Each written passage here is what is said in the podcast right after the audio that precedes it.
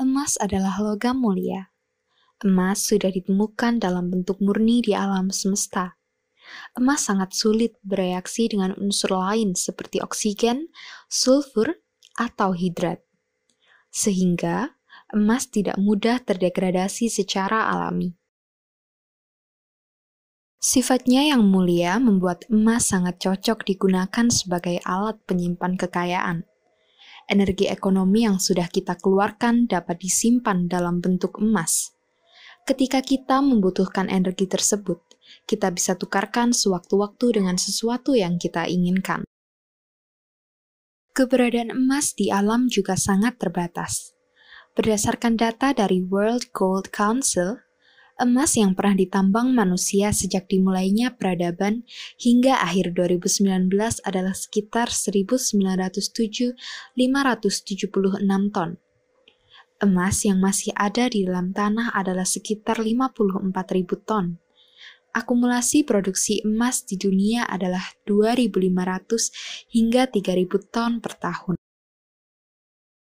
Ketersediaannya yang terbatas membuat emas sangat bernilai biaya produksinya pun mahal.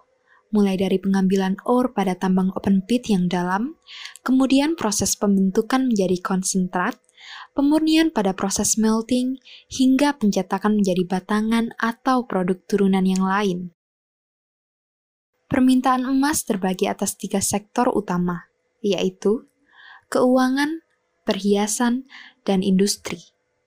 Sejak zaman dulu, Emas digunakan sebagai tanda keindahan karena sifatnya yang mengkilap dan tahan karat.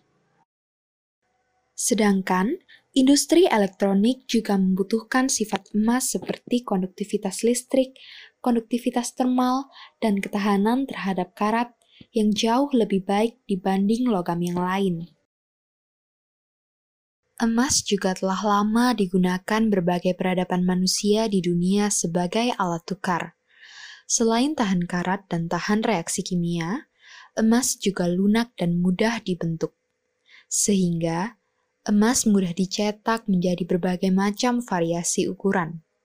Dengan demikian, emas bisa memfasilitasi baik transaksi besar maupun kecil.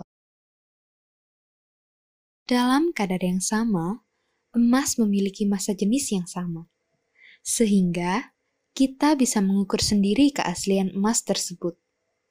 Dalam kadar 99,99%, persen, emas memiliki massa jenis 19,3 gram per sentimeter kubik.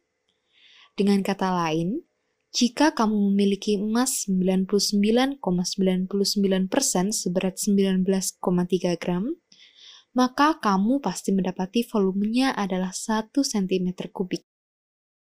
Tidak peduli di mana kamu berada, tidak peduli mata uang apa yang kamu gunakan, tidak peduli di mana negaramu, agamamu, sukumu, bahkan rasmu, nilai emas selalu sama di seluruh belahan dunia.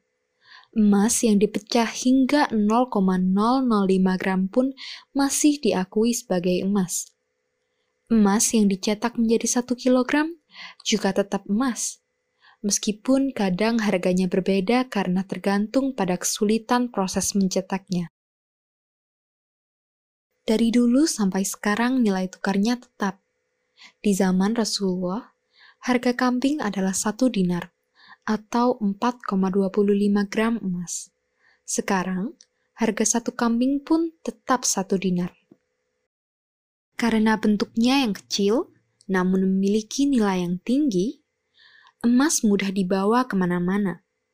Kita bisa membawa sesuatu yang berharga dalam genggaman. Kita bisa menukarkan satu dinar dengan satu ton gabah kering.